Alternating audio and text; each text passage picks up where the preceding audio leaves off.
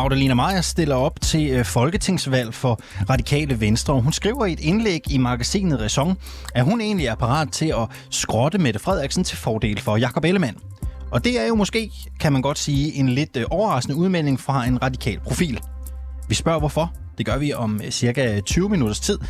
Her i reporterne på 24-7, hvor vi er i gang med sidste time. Jeg hedder Alexander Vils Og jeg hedder Cecilie Lange. Og øh, vi starter med historien om et nyt øh, forslag, et nyt lovforslag, som vil fjerne partistøtten til de allermindste øh, partier. Det har fået stor opbakning på tværs af partierne i Folketinget. Og helt konkret så går det ud på, at hvis et parti får under 1,83 procent af stemmerne til et folketingsvalg, ja, så smækker pengekassen simpelthen øh, i. Godmorgen og velkommen til dig, Susanne Simmer. Godmorgen. Du sidder i Folketinget for Fri Grønne. Det gør jeg. Du er vel også gruppeforperson, er du ikke det? Det er jeg også. Lige præcis. Øh, hvis meningsmålingerne holder stik, som de ser ud lige nu, og det her forslag bliver vedtaget, så øh, ser det ud til, at Fri Grønne kommer til at miste øh, partistøtten. Hvilke konsekvenser vil det have for jer i Fri Grønne? Det har jo store konsekvenser, fordi det betyder jo, at man ikke får penge til at ansætte folk, og til at få udbredt det politiske budskab. Mm. Øhm, sådan mere konkret, vil man kunne drive jeres parti, hvis I ikke får partistøtte? Altså det, det vil jeg tro, vi måske godt kan, men altså det, der bliver jo spændt ben for os, fordi det bliver langt sværere. Og, og det, vi skal hamle op imod, det er jo store partier, som, som får partistøtte, så, så det vil være svært. Mm-hmm. Øh, lige nu så øh, er I jo øh, repræsenteret øh, Frie Grønne i øh, Folketinget øh, med tre mand. Det er Sikander Slik, ja. det er dig selv, og så er det Uffe Elbæk. Ja. Øhm, helt konkret, i den periode, I har siddet i Folketinget, som Frie Grønne vil at mærke, I jo kommer jo alle sammen fra Alternativet, hvad har vælgerne så fået af politiske resultater for den partistøtte, Frie Grønne har modtaget? Altså, der, vi har jo været med i en, øh, en, en del forhandlinger, og, og en del forhandlinger vil også gå ud af, men uh, har, har forsøgt at, at påvirke dem i, i grøn retning og så. social retning. Så, og så har vi jo også øh, stillet en masse spørgsmål uh, til ministeren. Vi har været i samråd og deltaget i udvalgsarbejde, hvor vi har, har, har brugt vores stemme. Så hvad har I af politiske resultater landet, hvis vi holder fast i det spørgsmål? Øhm, for de midler, jeres parti har fået, de penge, som er gået til jeres kasse. Hvilke, hvilket resultat, I har opnået, er du mest stolt af? Jeg er rigtig stolt af, at vi har fået, fået presset regeringen til at, at, at, at vedtage, at der skal laves en øh, antiracistisk øh, handleplan. Og så synes jeg også, at, at, at vi, har, vi har konfronteret nogle, nogle politikere med nogle ting, som, som ikke har været godt nok. Øh, for eksempel i forhold til, øh, til, til, til anlæg af motorveje. Øh, men det er, jo, altså, det er jo sjældent, at man som parti alene kan sige, at det her det er præcis vores ære. Mm. Øh, vi har været en, været en del af, af, af flere gode forhandlinger, og vi har også været på, på, kunne være den kritiske stemme, mm. når tingene ikke har været gode nok, som for eksempel landbrugsaftalen. Lad os blive ved den antiracistiske handleplan. Den aftale, den blev øh, landet i 2000, øh, den blev landet i år, undskyld, i januar måned. Ja. Øhm, den er indgået mellem regeringen, SF, Radikale Venstre, Enhedslisten, Alternativet og Kristendemokraterne. I er ikke selv med ja. i aftalen. Så Nej. det er vel ikke et resultat, I har udrettet? Det vil jeg nok sige, det, at vi har, vi har æren for, at det kommer på dagsordenen og, og presser de partier til at, at lave det, indgå den aftale. Men I er jo ikke selv med i aftalen. Nej, det er vi ikke. Men, øh, og jeg er heller ikke sikker på, at den bliver god nok, men øh, den, den er sat på programmet, og det er, et, det er et skridt i den rigtige retning, og det er et rigtig vigtigt skridt. Men så er det vel ret beset heller ikke et politisk resultat, I har øh, udrettet, hvis I ikke synes, aftalen er god nok? Jamen, som jeg siger, at, at det, at den, det bliver sat på dagsordenen, det er en succes. Okay. Og at den så ikke er god nok, det er så, eller, og det ved vi jo ikke endnu. Det er en antagelse. Jeg bider bare mærke i, at du siger, at den handleplan er det, du er mest stolt af, øh, I øh, har udrettet. Men det er en ja, aftale, synes, som der ikke... Mange, der er mange ting, ja, ja, mange ting, jeg synes, jeg er stolt af. Lad os lige blive, Men, lad os lige blive ved det. Ja, lad os lige blive ved det. Du, du fremhævede nemlig den aftale. Du siger, at det er noget af det, du er mest stolt af. Men det er jo en aftale, som ikke engang er god nok til, at I selv vil være med i den. Det lyder så lidt beskedent i virkeligheden. Det kan du sige. Men jeg synes, det er, det er et godt skridt i den rigtige retning, selvom det ikke er, er godt, formodentlig ikke er godt nok. Okay. Øhm, en anden ting, man også kan, kan stille spørgsmålstegn ved, er jo, øhm, hvor meget politisk gennemslagskraft man har fået ved den partistøtte, der er landet øh, i jeres partikasse. Øhm, tilbage i øh, maj måned øh, skulle der stemmes om et lovforslag om plantebaseret og klimavenlig mad i offentlige kantiner. Det er ja. jeg selv, der har stillet forslaget. Men I mødte ikke op i Folketingssalen for at stemme for det. Altså, vi var der jo ved første behandling, og jeg var på talerstolen øh, og, og sagde, hvad vores holdning var. Og ja. så var det så, at øh, der var nogle ting, der faldt sammen, så det gjorde, at, øh, det gjorde, at vi ikke kunne være på talerstolen, eller være med til afstemning. Ja. Men det kom jo ikke til at gøre noget forskel på, på, på resultatet overhovedet. Det kan man ikke sige, øh, fordi der var 0, der stemte for, og 98, der stemte imod. Spørgsmålet er, om det ikke havde givet øh, bare lidt mening, hvis der måske var tre, der havde stemt for det forslag, som de selv havde stillet. Altså helt klart i den ideelle verden, så havde vi været der og stemme, men øh, sådan var det så ikke. Mm-hmm. Desværre. Okay. Hvorfor ikke egentlig? Jamen, det var fordi, der var sygdom, og, og jeg, jeg var på naturmøde i Hirtals, og så, og så kunne det så ikke lade sig gøre. Var det vigtigere at være på naturmødet i Hirtals, end at øh, stemme i Folketingssalen? Altså, som jeg siger, så var jeg på talerstolen og tilkendegav, hvad vores holdning var til forslaget i første behandling. Men jeg, jeg prøver så, lige igen. Det jo, det... Men du synes, det var vigtigere at være til naturmødet i Hirtals, end at stemme for det forslag, som I selv synes var vigtigt nok at rejse? Altså nu var det sådan, at øh, det, det var jo ikke planlagt, at der skulle være blive sygdom. Så planen var jo, at, at vi skulle have været i salen og stemme. Og så blev det så desværre ikke sådan. Men, men øh, hvis du ser tilbage på det, synes du, det var vigtigere at være til naturmødet i Hirtals, end det havde været at, at, at få stemt øh, forslaget? Ja, altså få tilkendegivet, at man stemte for det. Altså hvis det var, at jeg havde vidst, at der ville blive sygdom, og at der ikke, øh, at der ikke var nogen, der kunne stemme i salen, så ville jeg have valgt at stemme i salen. Men det vidste, det havde jeg jo ikke planlagt med. Altså det var jo nok kun opstået sygdom. Okay. Så, det, så det var sådan, det blev. Okay. Det er, jo, det er kun fordi, jeg, jeg nævner de her eksempler, øh, blandt andet med, øh, du fremhæver, at I er mest øh, stolte af den antiracistiske handleplan, men den aftale er ikke så god, at I selv vil være med i den. Øh, jeg fremhæver også, at I ikke møder op til afstemning af et lovforslag, I selv har stillet. Det er bare mere det der med, hvad har man så egentlig fået ud af de penge, I har fået? Altså nu så synes jeg, når vi snakker om den her partistøtte, der, det lovforslag, så handler det jo om, om partier, som ikke er i Folketinget. Mm. Og nu, nu, nu snakker du om, om fri grønne, og det, det er fair nok. Mm. Men altså, det handler jo om at hjælpe de små partier ind i Folketinget. Og hvis ikke de får stemmer nok ved første valg, så, så, så får de så ikke hjælp til at, at udvikle, videreudvikle øh, politikken og til at få den spredt ud, så flere får mulighed for at stemme. Det er bare det er mere... også et spørgsmål om at tage, tage befolkningen alvorligt. Altså hvis der er 60.000 mennesker, som har stemt på et parti, og det ikke kommer ind, at så får det ikke hjælp til at komme videre for at kunne stille op næste gang. Det er, bare, det er bare mere, om pengene kunne bruges bedre. Altså det er jo bare for at være helt ærlig og spørge dig, om de her penge på en eller anden måde kunne øh, bruges bedre til at få øh, mere indflydelse og lave mere politik? Altså, det er jo altid vigtigt at, at, at udvikle demokratiet, og hvis der er folk, der synes, at der er behov for et nyt parti, så, så skal man jo tage det alvorligt, fordi det er, altså, det er et repræsentativt parti, øh, demokrati, vi har. Så hvis der er mange, der mener, der er brug for nye stemmer, så, så bør man jo også hjælpe de stemmer ind, så vi får det repræsentative demokrati, som, som vi gerne skal være stolte af at have. Okay. Øhm, lad os prøve at se fremad så. Hvordan ser den ideelle partistøtteordning ud for dig? Jeg synes, det er faktisk en rigtig fin ordning, vi har nu, og, og den, den skal vi beholde. Prøv lige at beskrive, mere, prøv lige at beskrive har, den ordning i dag. Hvordan er det, den ser ud? Jamen, det er, hvis man får flere end, end, end 1000 stemmer, så får man så får man partistøtte, der svarer til ca. 33-34 kroner per stemme om året så man kan ansætte folk, der kan videreudvikle øh, politikken og, videre, og udbrede den. Hvis det her nu bliver til virkelighed, øhm, det her forslag, hvordan forventer I så at finde øh, finansiering til jeres øh, parti og til at udvikle jeres politik fremadrettet? Altså nu forventer vi at komme i Folketinget. Mener du det? Ja, det gør jeg. I har jo ikke haft en eneste meningsmåling, der har været øh, tæt på 1,0.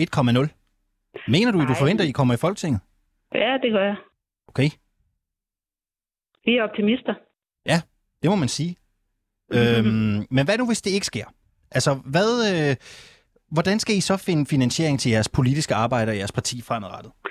Altså, det må vi tage til den tid. Det, er, det, har, vi- det har vi ikke nogen planer for. Okay, okay.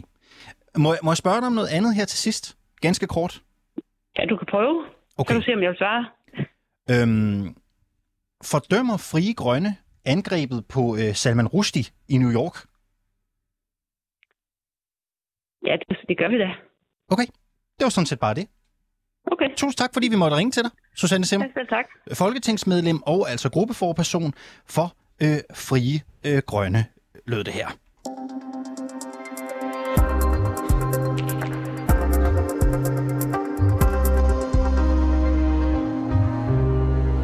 Alexander, i øh, Jørgen øh, Kommune, der er en øh, fremtidig Bilka på intet mindre end 3300 kvadratmeter blevet omdrejningspunktet for en stor debat.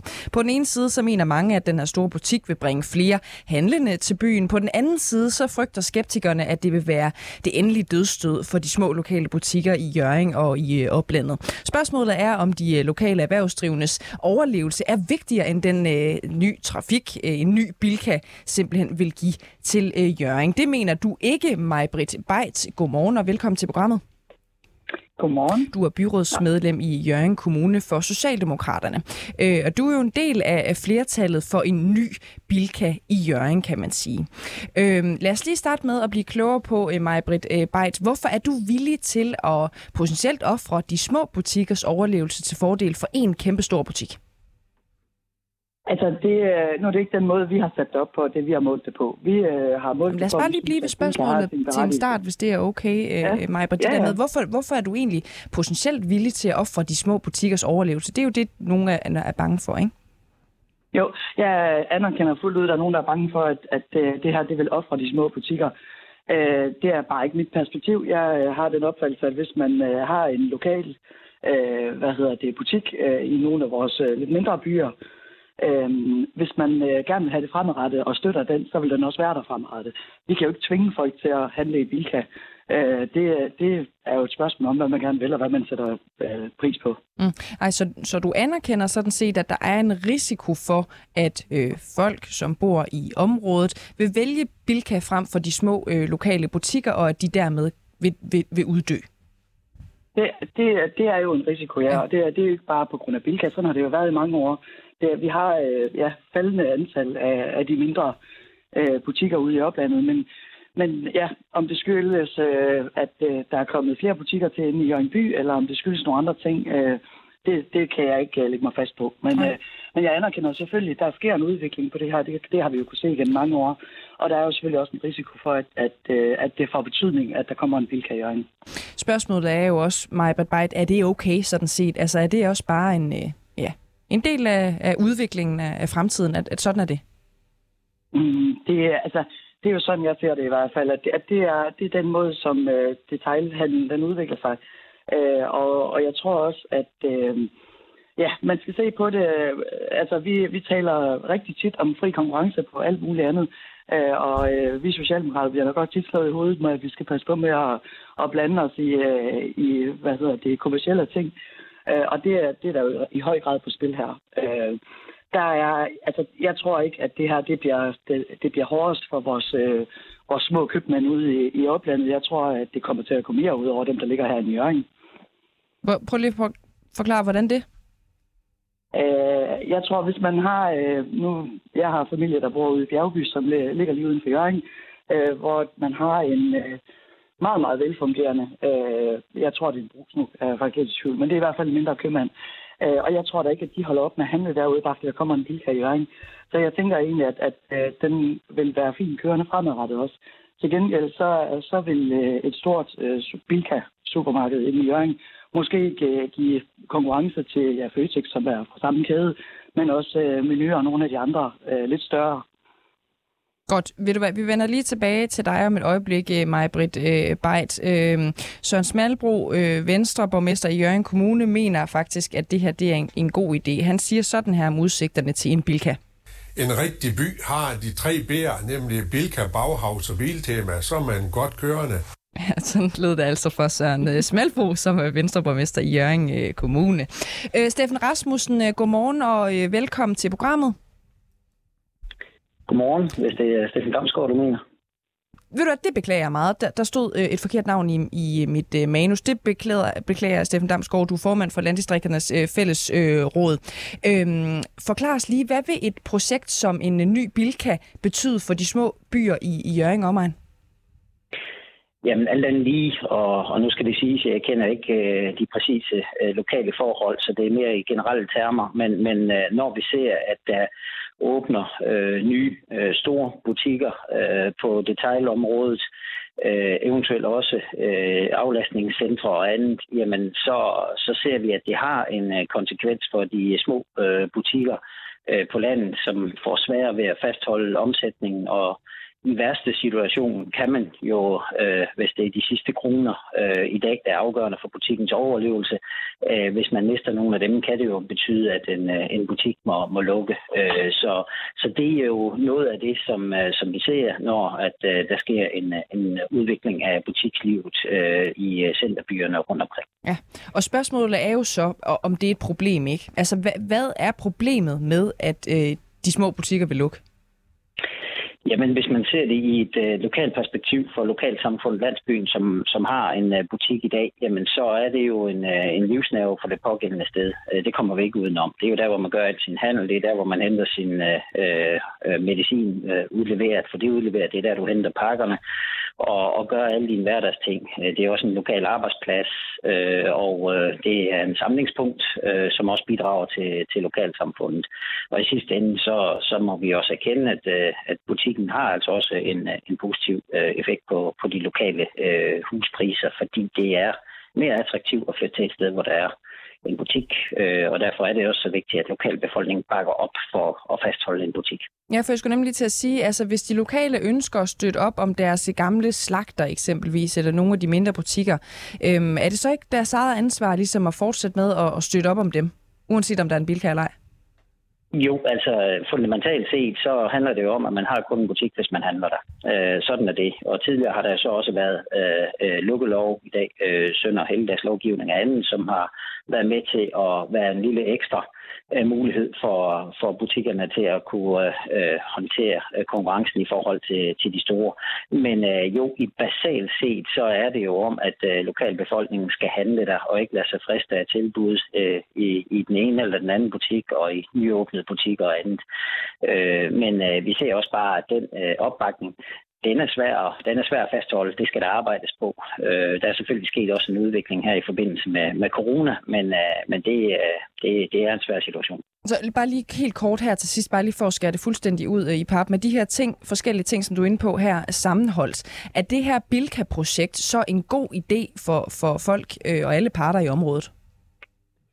Jamen, øh, jeg skal ikke øh, komme ud fra og, og uden at kende alle øh, detaljer i sagen. Og, Nej, i forhold til og, dem, du kender til. Det. Men, men jeg vil jo sige på den måde, at øh, set fra et øh, landdistriktsperspektiv, øh, og set ud fra de lokale øh, øh landsbyer, øh, lokalsamfund, så, så er det jo vigtigt for os, at, øh, at der er øh, butiksliv, og at der er nogle levende øh, lokalsamfund, som er attraktive at flytte til.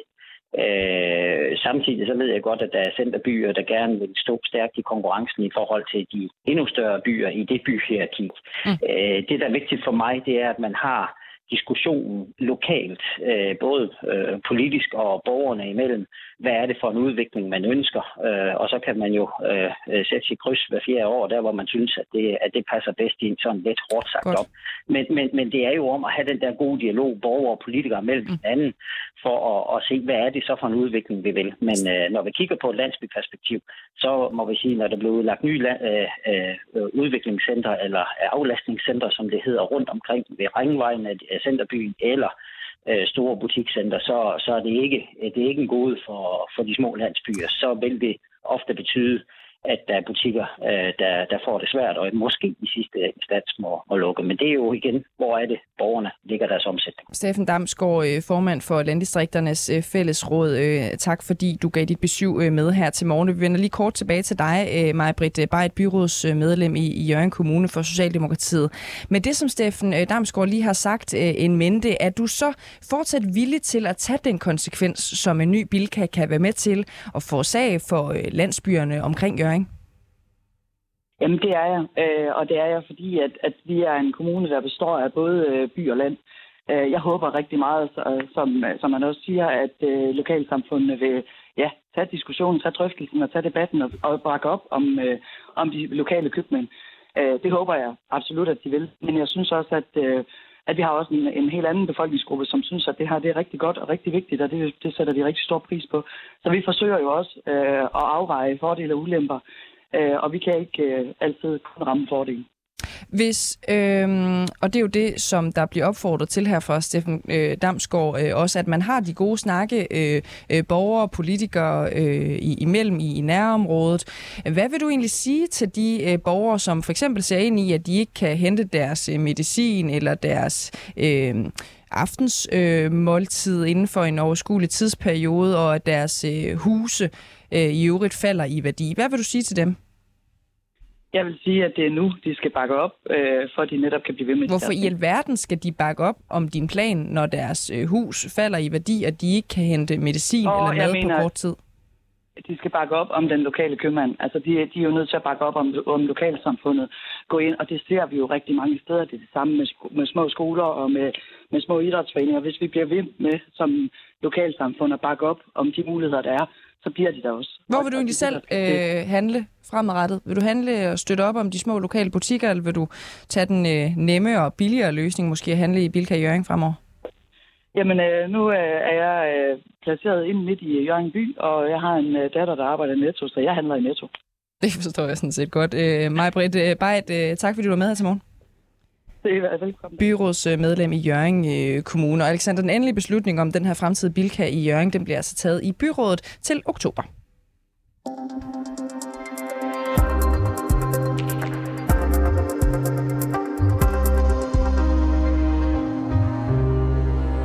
Den radikale folketingskandidat Karolina Magdalene Meier, hun vil skrotte Mette Frederiksen som statsminister, og i stedet bære Jakob Ellemann ind i statsministeriet. Det skriver hun i et indlæg i mediet øh, Ræson. Nu kan vi sige uh, godmorgen, Karolina Magdalene Meier.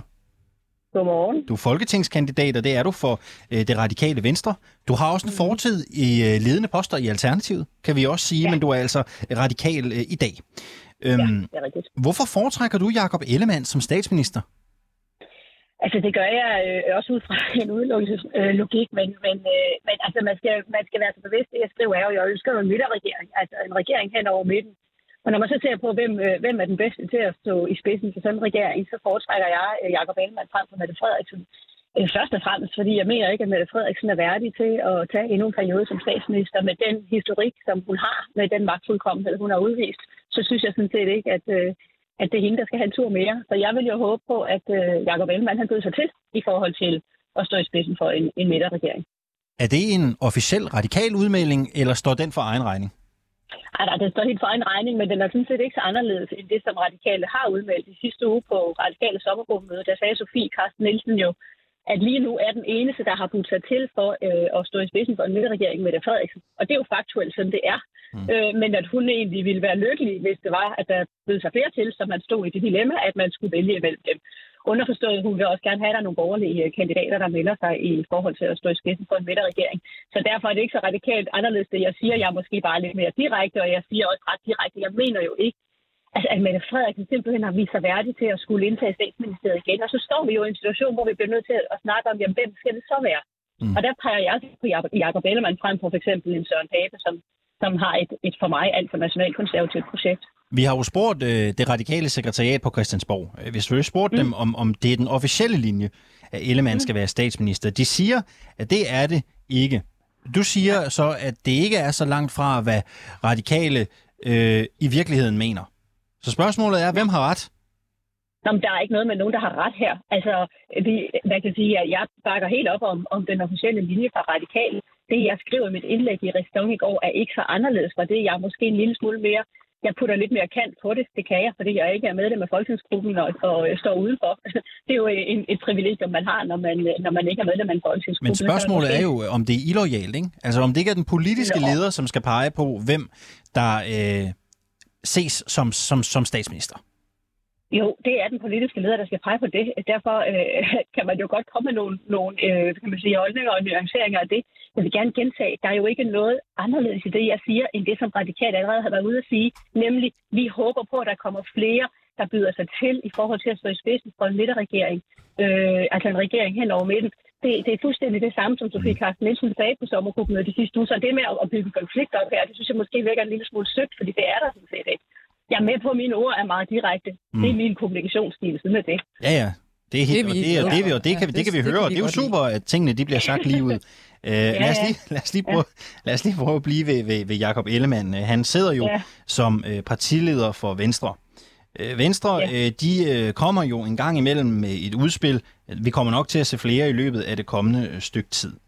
Uh, Venstre har blandt andet meldt ud, at de ønsker lavere integrationsydelser.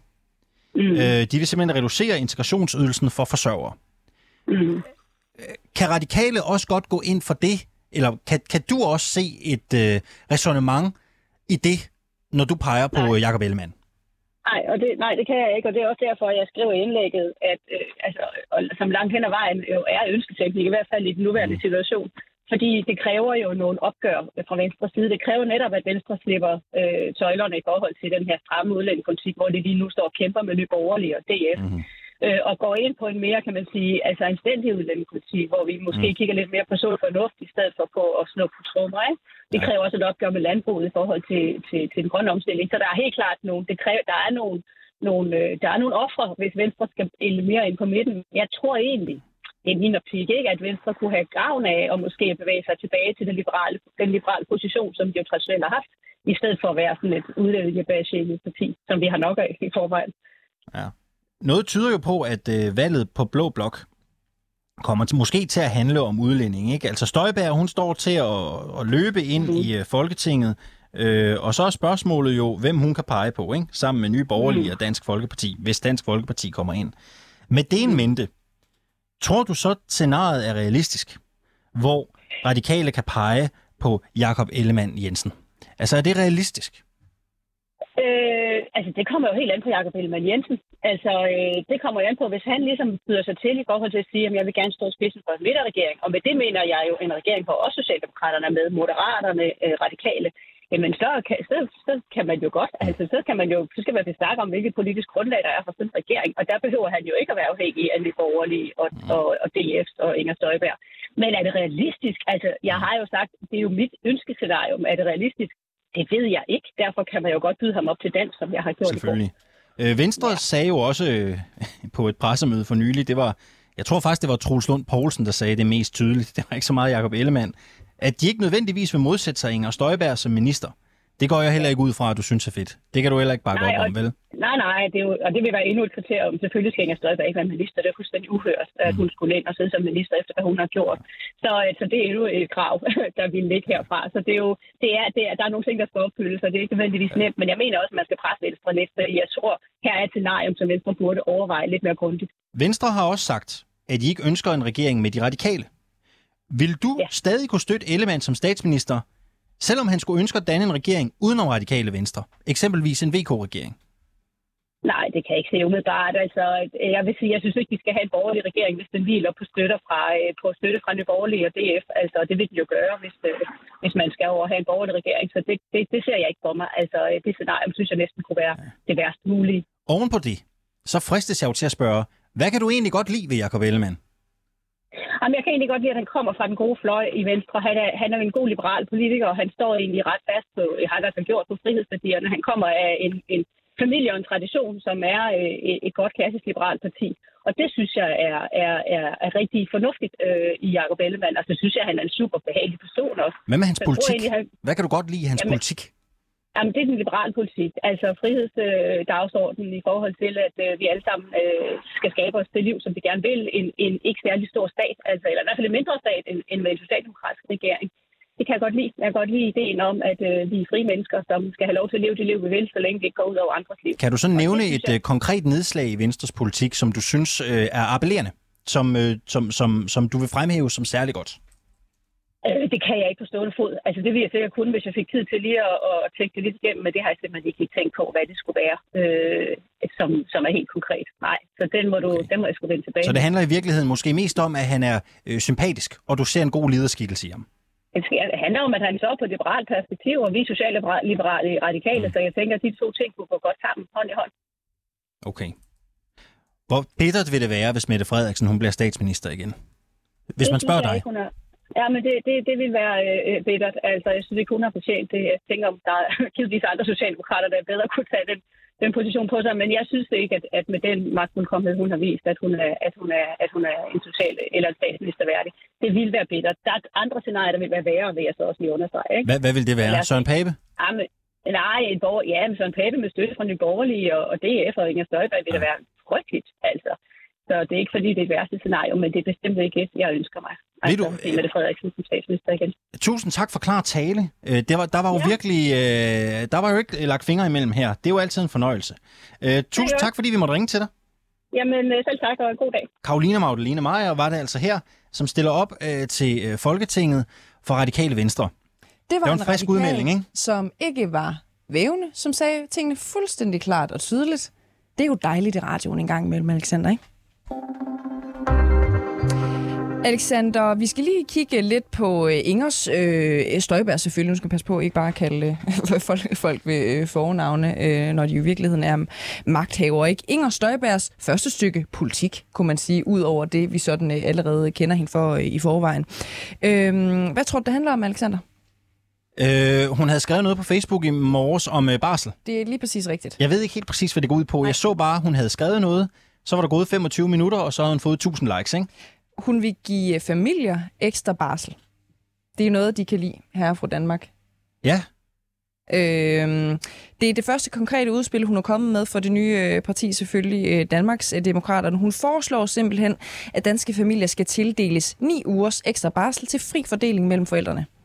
Det er Berlingske, hun, hun fortæller det her til, ikke? Så det er ah, jo fri, egentlig fri, fri fordeling. fri fordeling, Ja, ja. trods alt. Yes, Ja. all right. Ja, det er jo garanteret en eller anden form for øh, kommentar, notits til de En nye kritik af EU, ikke? Lige præcis, Yes. og de nye og de nye barselsregler. Det, det, det, det er jo sikkert noget, som her og fru øhm, Danmark, måske særligt i, i Jylland, nu analyserer jeg bare, selvom det ikke er det. Hvorfor siger du det? Jamen, noget, som de synes er, er dejligt, det er igen Inger Støjbergs baghave, hvor hun jo vælger at sige, selvfølgelig er det da et kæmpe problem, at man nu ikke længere kan sidde og, og fedt rundt derhjemme. Som, Du tror, man bliver glad for det i Jylland end på Sjælland? Bare svar ærligt. Ja, det tror jeg. Okay. Jeg tror, der er flere, der er kritiske over for barselsordningerne Ja. ja. i, i Jylland end øh, på Sjælland. Tror du ikke, jeg har ret? Ikke nødvendigvis, men jeg ved det ikke. Nej. Jeg ved det ikke. Jeg ved det heller ikke. All right. Men det er også derfor, jeg ikke skal analysere. Jeg skal jo bare fortælle, øh, fortælle nyhederne. Ikke? Det er jo i hvert fald spændende, og det er som sagt øh, Inger Støjbergs nye øh, øh, udspil.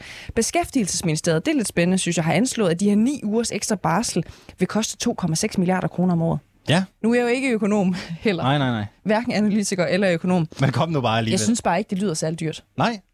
Når man tænker på, hvor kæmpestor en debat det har været øh, i forhold til barselsspørgsmålet, hvor mange som synes, det er et stort indgreb øh, i, i deres øh, frihed og måden at leve sit liv på, øh, så synes jeg, at 2,6 milliarder kroner for at få ro på, det vil da være fint.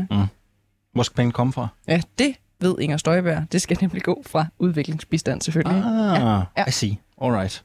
Det er en politiker, som øh, ved, hvad hun vil, og ved også, hvor hun vil tage pengene fra. Copenhagen Pride er jo i øh, fuld gang. Det ser man øh, mange steder i øh, København. Der er fest og glade dage, og flere tusind mennesker mødes til events, koncerter, talks og filmvisninger for at fejre kærlighed og mangfoldighed blandt LGBTQ personer. Men selvom Pride er en fest, så bliver der også stadig begået hadforbrydelser. Ivy Rosenauer blev mandag aften uprovokeret spyttet på af flere omgange, da hun bevægede sig fra Kongens Nytorv mod Pride Square, det er omkring Rådhuspladsen, her i København. Det starter med at se et eller andet stil med uh, nice lips, uh, you should just suck my dick. Okay. Hvor jeg bare sådan tænker, ej gud, var det bare kedeligt. Altså, sådan er det det eneste, jeg har at komme med. Eller sådan. Stod, stod de foran dig? Uh, nej, de cyklede sådan lidt forbi, og så råbte efter os. Og sådan så um, reagerede min, en af mine venner virkelig stærkt. Uh, Hvordan Det- stærkt? Jamen, han, sagde, han svarede bare igen og sagde, fuck af, idioter, eller noget i den stil, ikke? Og sådan så efterfølgende mø- møder vi dem lidt længere på strødet, uh, hvor de så havde stoppet, og der begynder de så at råbe sådan, ej, det er en mand, og det, det er en kvinde, og ad, hvor er det klamt, og... Så de stopper, altså de er på cykel, men har så stoppet op? Nej, det var nok, jeg ved ikke, om det var på cykel, det, tror, det, det gik med en cykel, jeg Ja. ved ikke, om de cykler, det kan jeg Nej. ikke huske. Men uh, det stod i hvert fald der, og på hjørnet, og har ligesom indventet på, at vi skulle komme gående forbi, Okay. og hvor de så fyrer den af med alle mulige transfobiske kommentarer, så som, er du mand, eller er du kvinde, hvor er du klam, og Okay. der gik vi så op og konfronterede dem sådan face to face, fordi jeg har meget kort stupiden, altså sådan, fordi man har været igennem så meget gennem årene, ikke? og man bliver bare træt på et tidspunkt. Mm. Så der sagde jeg bare sådan, hvad, hvad er jeres problem? Altså, do you want to say something, like say now? Og så var det bare sådan, ad, ad, ad, og du ved, og så begynder det så at spytte på os, og jeg fik noget sådan spyt på min bryst, og så begynder det også at sådan sparke ud efter os, og der gik mine venner og tog forsvar og stillede sig som en sådan, hvad skal man sige, en væg foran mig. Okay, altså mm. hvad, hvad, hvad tænker du her, da, da vedkommende spytter på dig og begynder at sparke efter jer? Jeg tænker bare, another day in paradise. Nej, men uh, Altså fordi det er så normalt på en eller anden måde? det er desværre sådan, at det er meget normalt, ja. I min situation i hvert fald, og jeg ved også mange andre transpersoners situationer og daglige liv, hvor, hvor jeg møder det næsten hver dag, ja. At folk kigger og råber ting, og ja. Og øh, du siger så, at de sådan stiller jer lidt og, øh, og, og, og, prøver at få dem til at, at, at stoppe med det her. øh, Hvor, Jamen, jeg tror bare, man, man får nok på et tidspunkt. Mm. I går havde jeg ligesom, jeg var træt fra en fashion week. Jeg har optrådt i Bøssehuset sidste lørdag, og jeg var bare sådan, der skal ikke meget til, for at du skal pisse mig af i dag, og det gjorde de så. Og der forsvarer jeg bare mig selv, og det gjorde mine venner så også. Der er jeg heldig at have så gode mennesker omkring, ikke? Og hvordan reagerer de på, at I øh, forsvarer jer selv? Og det bliver ligesom mere provokeret, og det er det, der er lidt dumt nogle gange, for det, man skal jo ikke faktisk bare gå, gå videre, vil jeg rekommendere. Men nogle gange, som sagt, har man brug for bare svar igen, mm. og det var det, vi gjorde. Går de så bare, eller hvad? Nej, så bliver det, bliver stående, og så ender det som, at vi begynder at gå igen, og var det så råber efterfølgende ting efter os, og begynder at gå langsomt efter os.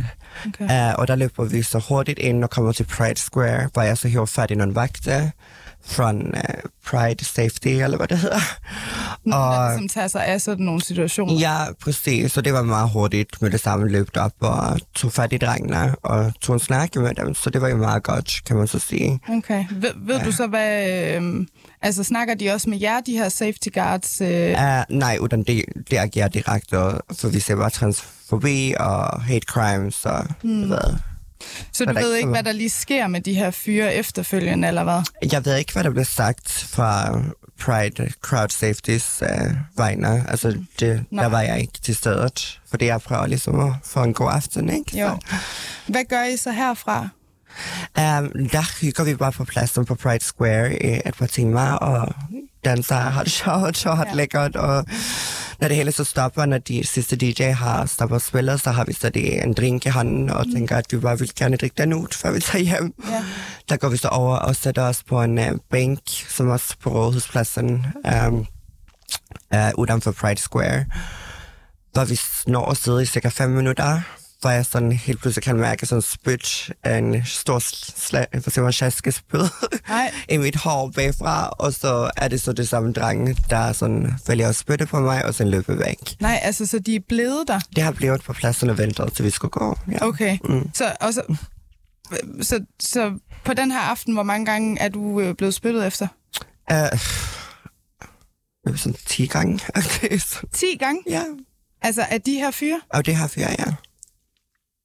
Okay. Vildt Altså, nok. jeg synes, en gang er nok, vel, men altså sådan, ja. Og, og, og her, da I sidder øh, på bænken, og de kommer bagfra, er, Ja. det, er det så, så spytter de, og så løber de? Så eller? løber det, så løber to af mine venner efter og prøver at få fat i dem, for det blev så galt. Mm. Altså, og jeg var bare sådan, der var ligesom min aften over, ikke? Altså sådan, der var det Ja. ikke mere at komme efter. Der, det tager, dræner ens energi. Så Hvordan, altså, hvordan havde du det på det tidspunkt, da du jeg var der? træt. Altså, mm. jeg var i forvejen træt, så jeg blev bare sådan, nu skal jeg være hjemme. Ja. Ja. Mm. Øh, øde- ødelagde det din aften, det her? ja. Mm. det gjorde det. Og jeg plejer at være meget sådan stærk og kunne tage meget, men altså, i går var jeg bare slet ikke oplagt til noget rigtigt, og jeg kom faktisk kun ud for at støtte min veninde der. Mm. Så ja, der var ikke nogen overskud. Hvordan, øh, hvordan så i dag med at skulle, øh, skulle tage til Pride igen? I mean, igen, det sker så tæt. Det sker næsten hver dag. Jeg var også udsat. Vi gjorde en lookbook for en af mine veninder, der er designer her for et par uger siden på Bloggersgade. Hvor vi så fik fyret, uh, vi var kun en helt transkast på 12 transkunder mennesker, eller modeller. Uh, og der fik vi fyret kanonslag efter os, um, og et par drenge. Så Og det, det er noget, der ligger noget tid tilbage? ja, det er sikkert en måned siden, men bare for at fortælle, Ja. at det, det er noget, der sker desværre super mm. tæt, og man lærer sig desværre bare at leve med det, mm. og håndtere det. Ja. Men når du kommer hjem fra sådan en aften, tænker du så slet ikke på det? Altså, kan du godt bare sådan... Øh, Jeg var så træt, mm. men det er klart, det, altså det sætter sig et sted, det gør det jo altid. Mm. Altså man bliver ked af det, og man føler, okay, hvorfor kan jeg ikke bare få lov at mm. altså, eksistere uden, og der skal være så meget fucking problemer omkring, at jeg er den, jeg er. mm. Melder du øh, den her episode til politiet i går? Det gjorde vi, og politien, det kom så to timer efter, men det kom, og det tog det faktisk for first time ever. Altså sådan, jeg har aldrig prøvet det før, men det tog det meget seriøst. Altså, du har ikke oplevet før, at politiet har... Nej, det har jeg ikke rigtigt, utan man har gjort en anmeldelse, og så har det ligesom været det. Og det har Altså, så der næsten ikke griner en, når man har fortalt, jo, desværre, sådan er det i dansk politi. Og, øh, men de tog det meget seriøst. Det, jeg tror også, det forbindelse med Pride, desværre, og forbindelse med statistik, der skal laves øh, inden for så stort event som Pride. Så det tog, gjorde en meget grundig efterforskning på pladsen, eller hvad man skal kalde det, og og tog DNA-test og billeder og øh, snakke med vidner. Det har jeg aldrig nogensinde prøvet før. Altså sådan i mine 12 år i København. Så. Så lød det, da øh, Ivy Rosenauer i går fortalte sin historie til Døgnrapporten, der altså handler om hate crimes til Copenhagen Pride. Og lad os lige få nogle øh, tal øh, på bordet. I 2020 blev der registreret 79 tilfælde af hadforbrydelser mod LGBT plus personer. Samtidig så viser en offerundersøgelse, at kun 36 procent af offerne for vold, motiveret af homo- eller transfobi, har anmeldt forbrydelsen til politiet. Og døgnrapporten, hvis man vil høre mere, kan man jo høre alle eftermiddage mellem 15 og 16, og ellers så kan man jo hente det der, hvor man finder sin øh, podcast. Cecilie, øh, lad os lige tage en overflyvning på øh, nogle af de andre historier, som ikke fylder så meget hos os i dag, men som alligevel på den ene eller den anden måde fylder i mediebilledet. Mm. Der er jo nyt fra Moderaterne, Ja. Lars Lykkes politiske projekt, som øh, jo hele tiden øh, spytter kandidater ud, lyder forkert, men der kommer i hvert fald øh, nye til. Øh, seneste kandidat er øh, særdeles kendt, i hvert fald i den syd- og sønderjyske del af vores land. Det er den tidligere borgmester i Tønder. Han hedder Henrik Fransen, og han kommer fra Tønderlisten, altså en af landets lokallister. Øh, han øh, stiller op fra øh, Moderaterne. Det øh, fortæller han øh, til, øh, til DR. Øh, han siger, at Moderaterne arbejder for et bredt samarbejde hen over midten. Det gør vi også i Tønderlisten, og derfor har jeg en ambition om at blive Sydjyllands stemme i øh, Folketinget. Ja, og Henrik Fransen her, som han hedder, han var altså borgmester i, i Tønder fra 16 til 21. Øh, ved kommunalvalget sidste år, jeg mener faktisk godt, jeg kan huske det, øh, Alexander, der stemte næsten hver femte vælger i kommunen på ham. Det var fuldstændig øh, øh, vanvittigt. Det var dog lige præcis ikke nok til at sikre fire år mere på øh, borgmesterkontoret. Nøglerne, de måtte overdrages til, øh, det var ham, der hedder Jørgen Pop Petersen fra Slesvigsk øh, Parti. Ikke? Det er, ikke rigtigt, de har er fået en øh, borgmester fra, fra mindretallet der, det er ja, rigtigt. Ja, ja. Men øh, han er ikke færdig i, øh, i øh, politik. Øh, han melder sig altså for Moderaterne. Hvad skal Elon Musk købe næste gang? Det er der måske mange, der også går og spekulerer over. Ja. Spørgsmålet er jo, om det skal være øh, Manchester United. Mm. Har du forstand på fodbold?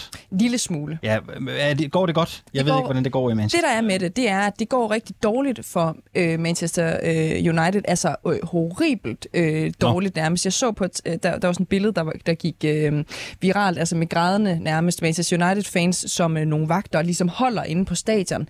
Øh, og det var så, der var så nogen, der skrev, at det var billeder af vagterne, der forsøgte at tvinge Manchester Uniteds fans til rent faktisk at se en, en Manchester United-kamp øh, færdig. Det var nok bare en, en joke, ikke? Men jeg synes bare, det var sådan, det er et meget godt billede på, hvor sindssygt dårligt det går for Manchester Jeg får lige visket i øret, at de tabte 4-0 i weekenden af vores producer. Hvem spillede de mod, Mathias? Brentford, var det ikke det, Mod eller hvad? Brentford. Ja, tak. Ja, tak. Okay, hold da op. Det er en rigtig fodboldpige, Øh, du har fået i studiet, ikke? Det skal jeg love for. Ja. Øh, men Elon Musk har altså tweetet øh, følgende.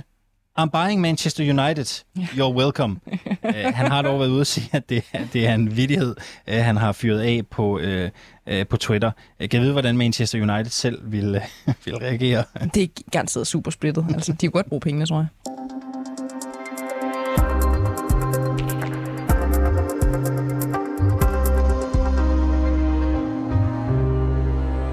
Manden bag øh, Uria-posten, eller Uria-posten, ved du, hvordan man udtaler det? Urias-posten. Urias-posten øh, Kim Møller har smidt øh, håndklædet i ringen, Alexander. Efter 19 år, så har han valgt at stoppe den her omstridte højorienterede blog, der ifølge Kim selv har haft til formål at dokumentere manglende alsidighed i en venstreorienteret mediebranche. Lad os lige prøve at høre, hvordan det lyder.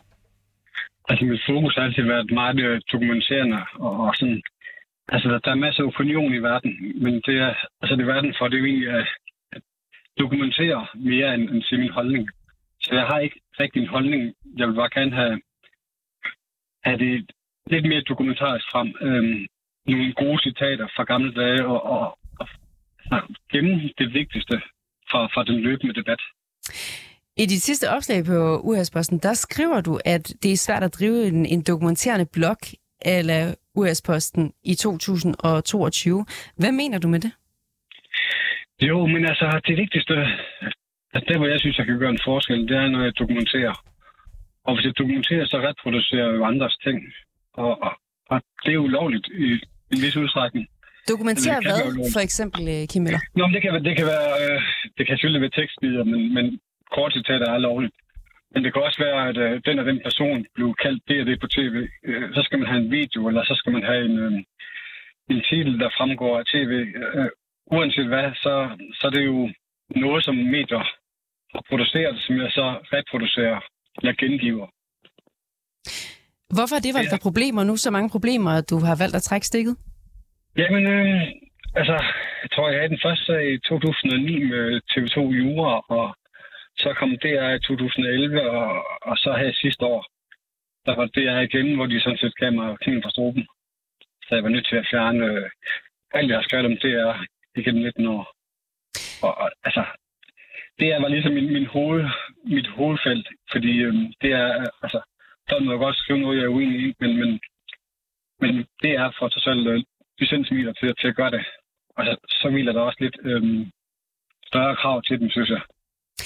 Jeg bliver jo nødt til at, at spørge, hvis det er ulovligt, det du gør, altså du simpelthen snupper for meget fra, fra DR og andre medier, som, og som går over, hvad god øh, citatskik er, eller tager billeder eller video, som du, som du ikke må, som de har ophavsret, har, øh, ophavsret på. Hvorfor, hvorfor så ikke lave din blog anderledes? Altså stop med at bryde loven om ophavsret på din blog. Jo, så- så bliver det sådan en ren opinion, hvor jeg skriver nogle ting og henviser til noget andet.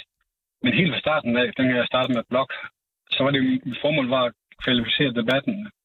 At der var en masse, altså det var før Facebook, øhm, det var ret svært. Hvis nu Sikander Stik har, havde skrevet noget i, i 2001, øhm, så ville jeg have fanget citater, der taget en kopi af det debatforum, hvor han har, har skrevet det.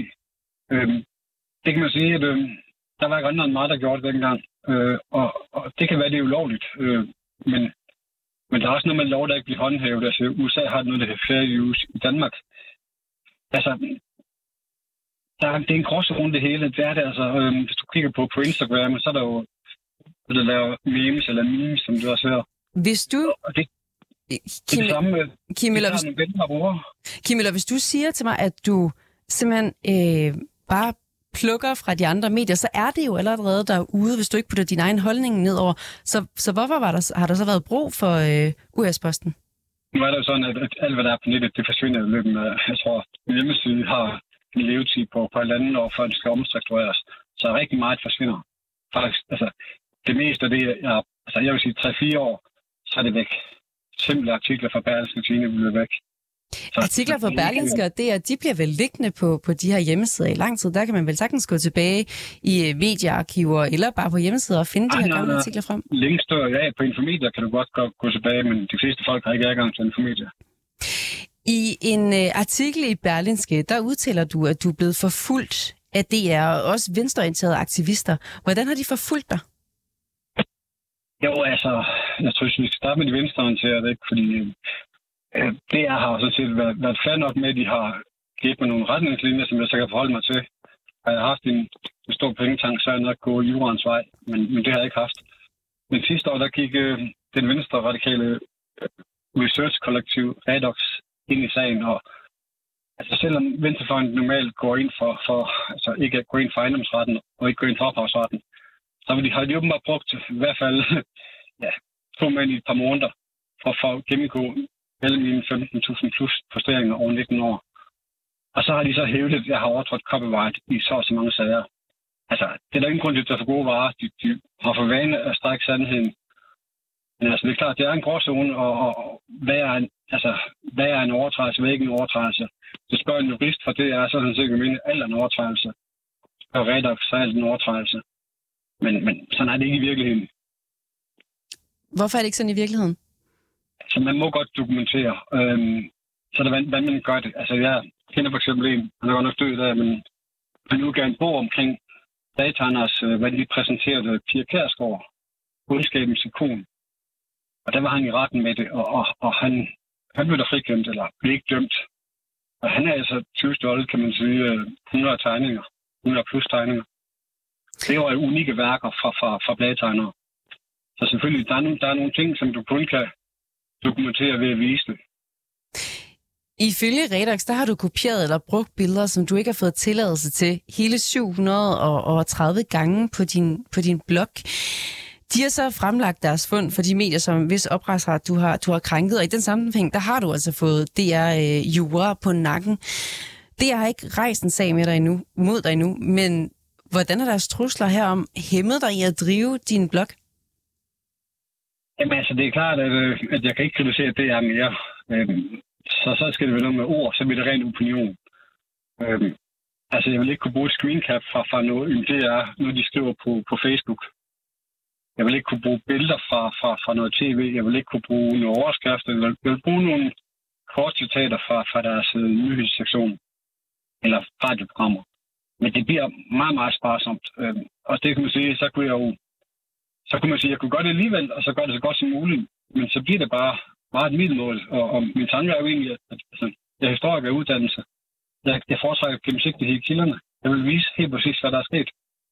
Kan du ikke bare linke til de kilder så i stedet for? Jo, det kan jeg godt, men, men det er der så mange, der gør. Det, det er jo ikke... Det link længe øh, dødt om tre år. På nuværende tidspunkt, der er det jo sådan, at du står over for to retssager, der begge starter i november. Den ene er rejst af enhedslisten Aarhus, der vil have erstatning for dit brug af deres Facebook-opdatering fra 2013, og den anden relaterer sig til, at du har bragt et usløret foto af et drabsoffer i forbindelse med terrorangrebet i Nice i 2020. Til sidst kan potentielt give dig en fængselsdom på op til tre år. Se i bagspejlet, har det så været det hele værd at gå imod medierne og ordensmagten på den måde, du har gjort med din blog de sidste mange år? Ja, det synes jeg faktisk. Altså, da jeg startede med at blogge, der, der havde de venstre radikale rimelig frit lejde i medierne. Altså, stemmer, som det her før, og, og Redox blev citeret igen og igen af Ekstrabladet og, og BT og de store medier. Øhm, det skal ikke i dag. Der har været nogle retssager, og, og jeg bliver ikke bare omtalt som en højere radikal, og så de der øh, nyeste venstrefar bliver omtalt som sådan en venstreorienterede idealister. Der kom lidt mere balance i det, og, og det er nok det, det mest, man kan håbe på som en, en familiefar fra, fra Aarhus. Ikke? Og så lød det altså fra Kim Møller, da han var med i kulturprogrammet øh, Babylon i går.